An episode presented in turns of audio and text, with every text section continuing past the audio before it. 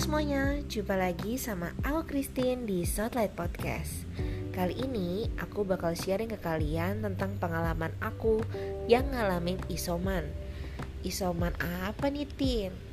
Nah jadi sesuai dengan tebakan mungkin sebagian besar orang yang dengar kata isoman Jadi yap, aku kemarin waktu di swab untuk selesai tugas di Wisma Atlet Aku itu di diagnosis ya udah positif. Jadi terkonfirmasi COVID-19 aku sendiri nggak ngerasain gejala apa pun ya. Kalaupun ada pilek-pilek itu aku rasa sama aja gitu kayak biasa. Karena aku memang punya rinitis alergi. Jadi memang tiap pagi gitu biasanya bakal bersin-bersin. Tapi kayak siang sampai malam nanti nggak ada gejala gitu. Nah dan itu sama aja menurut aku nggak ada perbedaannya. Jadi emang nggak ada gejala tambahan dari COVID-nya sendiri Untung juga gejala yang sering tuh misalnya hilang indera perasa, indera penciuman itu nggak aku rasain. Jadi masih oke-oke aja nih indera perasa sama indera penciuman aku. Nah, jadi sejak dinyatakan positif, akhirnya aku diisolasi mandiri. Nah, Sebenarnya tadinya aku nyobain dulu tuh isolasi mandiri di Wisma Atlet kemarin. Sebelum akhirnya aku mutusin untuk isolasi mandiri di rumah aja. Karena emang udah 4 bulan banget juga nih aku pergi dari rumah. Terus aku juga merasa lebih nyaman, lebih nggak stres tuh kalau misalnya aku di rumah. Jadi nanti baru balik lagi ke sana untuk swab setelah udah selesai isolasi mandirinya. Kayak gitu. Nah, teman-teman di sini aku pengen sharing soal cerita isoman aku kenapa sih gitu. Karena menurut aku ya, ini salah satu pengalaman yang wajib untuk aku sharing ya karena aku sebelumnya nggak pernah ngalamin ini gitu. Jadi bener-bener suatu pengalaman yang tentunya akan jadi bekal juga sih buat aku untuk bagaimana sih edukasi pasien gitu bagaimana sih aku bisa ngerti kenapa orang-orang tuh di luar sana nggak mau untuk isolasi karena memang ternyata sangat membosankan gitu aku pernah ngalamin mungkin yang namanya karantina ya. Waktu aku datang ke Wisma Atlet gitu aku memang di karantina tapi waktu itu memang sekamar kita masih kayak ada orang lainnya gitu. Jadi masih bisa lah ngobrol gitu meskipun tetap jaga jarak dan pakai masker. Nah tapi ini waktu kemarin aku isoman itu aku bener-bener sendiri yang ngelakuin isoman di lantai itu Di lantai 32 tower 2 sih kemarin ya Jadi aku isolasi selantai itu sendiri aku doang gitu. Jadi ke kiri ke kanan gak ada suara gak ada apa-apa. Terus makanan kita kayak diantar gitu dan ya udah makan sendiri gitu. Rasanya bener-bener sebenarnya bikin stres sih kalau aku sendiri ya. Karena aku tuh tipe yang suka ngobrol suka ke sana kemari atau seenggaknya ada kerjaan lah yang bisa aku lakuin gitu. Nah sayangnya aku waktu di isolasi itu ya udah karena apa ya namanya uh, waktu itu udah siap-siap pulang jadi bener-bener bajunya udah tinggal terbatas juga. Terus kayak di atas udah laptop udah pulang ke rumah gitu jadi bener-bener nggak ada yang hiburan lain selain handphone aku aja nih gitu. Dan di handphone aku nggak ada mainannya guys gitu. Ada cuman kayak satu dua tapi rasanya tuh tetap bete aja karena sendirian di atas gitu saat teman-teman yang lain bakal pulang ke rumahnya gitu setelah sekian lama di Wisma Atlet. Kayak pas pertama kali masuk sih masih mencoba tegar ya. Kayak ah ya udah nggak apa masuk sana demi biar negatif dulu aja deh baru pulang ke rumah gitu kan.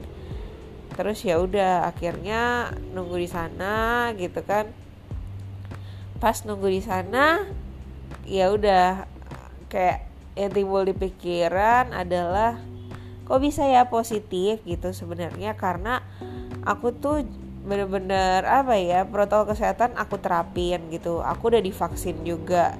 Nih ya kalau misalnya kalian lihat itu dokter yang jaga di red zone atau di zona merah itu kan biasa pakai masker. Nah beberapa itu bakal pakai mikropor juga nih biar lebih rekat. Nah aku termasuk yang pakai mikropor tuh sama rekat banget. Jadi ya intinya aku pakai rekat gitu biar nggak kena virus lah. Siapa sih yang mau kena gitu kan? Kena covid gitu. Apalagi di red zone itu atau zona merahnya Wisma Atlet tentu ada juga pasien-pasien luar negeri, pasien-pasien mudik yang kita nggak tahu sebenarnya dia pakai atau dia itu virus yang mana gitu kan. Di tengah virus-virus itu mulai muncul yang bermutasi bermutasi yang lebih cepat lah penyebarannya dan lain sebagainya gitu kan.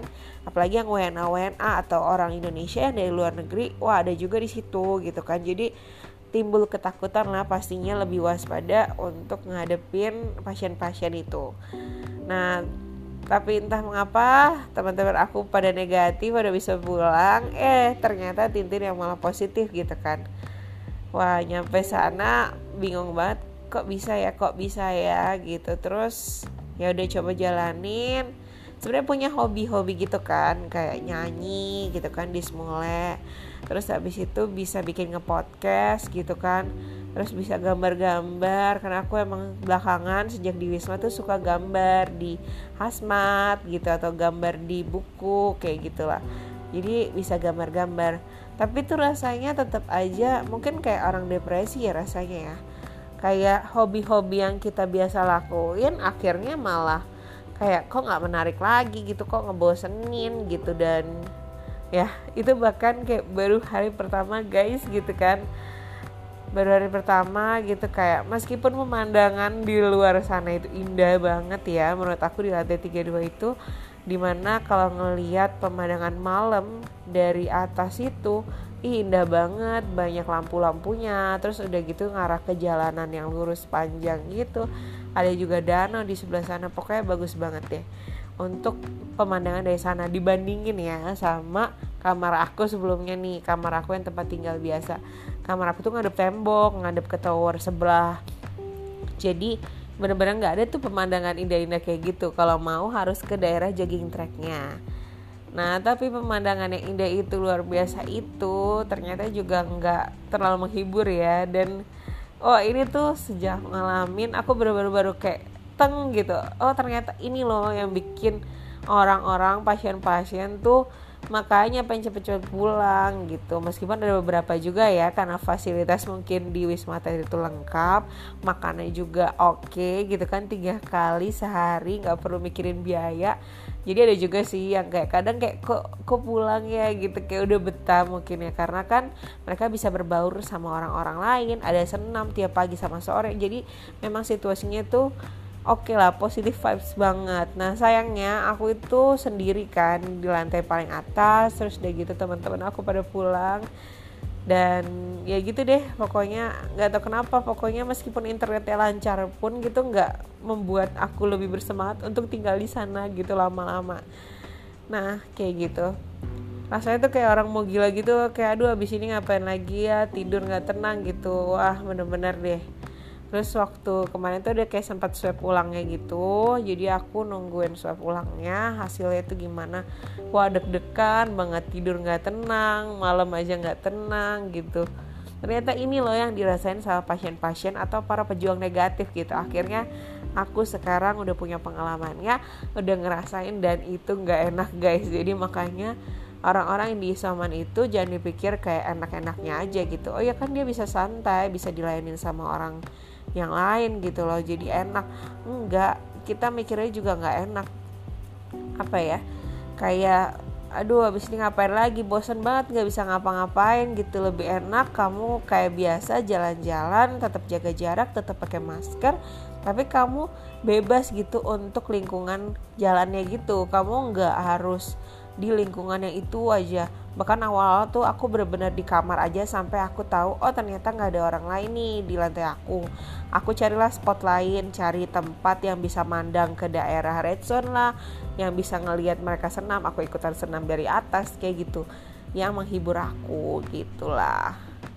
Nah terus juga jangan dipikirin kalau misalnya kita tuh senang kayak um, untuk dilayanin kayak gitu ya aku sendiri pun gak enak banget untuk apa ya banyak banget orang-orang yang baik sama aku.